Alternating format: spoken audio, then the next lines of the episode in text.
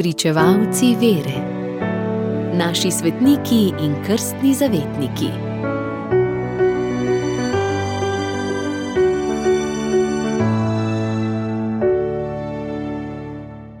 Danes zgoduje Karmelska Mati Božja. Praznik obhajamo že od 14. stoletja. Karmel pomeni v hebrejskem jeziku sadovnjak. Goro Karmel poznamo že iz svetega pisma Stare Zaveze. Tam gori se je prerok Elija boril za češčenje Jahveja, pravega boga judovskega izvoljenega ljudstva. Doklej boste omahovali na dve strani, je vprašal svoje neverne rojake. Če je Jahve bog, hodite za njim, če pa je bal pogansko božanstvo, hodite za tem. A ljudstvo mu ni nič odgovorilo. Jahve, Izraelov bog, je pokazal svojo moč s tem, da je sprejel Elijovo daritev, medtem ko Bal daritve svojih svečenikov ni sprejel. Ob koncu 11. stoletja, ko so križari, krščanski vitezi iz raznih evropskih dežel začasno iztrgali sveto deželo Palestino iz rok muslimanskih arabcev, so se na Karmelu naselili Mariji posvečeni puščavniki. Ti karmelski menihi so se čutili duhovno povezane s prerokom Elijem. Začetno organizacijo je karmelskim puščavnikom dal sveti Bertolt, pravila pa jim je določil v začetku 13. stoletja Albert, latinski patriarh v Jeruzalemu. Pred muslimanskim pritiskom so se karmelski puščavniki morali umakniti v Evropo, kjer je red kmalo pognal korenine in papež Honori III.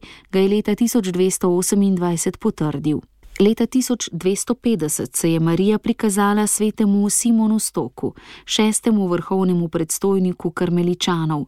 V rokah je držala škapulir ter rekla: Kdorkoli pobožno umre, oblečen v to oblačilo, bo zveličan. Omenjeni škapulir je pri redovnikih, karmeličanih, ti pri nas nimajo nobenega samostana, in redovnicah, karmeličankah, na slovenskem imajo svojo hišo v Sori pri Medvodah in v Mirni peči pri Novem mestu, del pravega redovnega oblačila pri lajkih, tretjerednikih pa sta to dva kvadratna kosa blaga, okrašena s podobo karmelske matere Božje, povezana med seboj strakovoma tako, da en kos visi na prsih, drugi na hrbtu, nameščena pod obleko. Nevedni ljudje škapulire enačijo z nekakšnimi amuleti, čarobnimi magičnimi sredstvi, ki naj bi človeku sama po sebi prinašala srečo in varstvo. Za pravilno poučenega vernika pa je škapulir samo znamenje in neka zunanja opora, da se spominja svoje posebne posvetitve Materi Božji in ga to v skušnjavah in težavah nagiblje k zvestobi in prizadevanju za svetost življenja. Karmelska bratovščina je bila dolga stoletja med najbolj dejavnimi, živa pa je tudi še danes. Že v 14. stoletju so obhajali poseben praznik Karmelske Matere Božje. Koledar je uvrščen 16. julija na spominski dan podelitve škapulirja svetemu Simonu Stoku. Radio Ognišče, vaš duhovni sopotnik.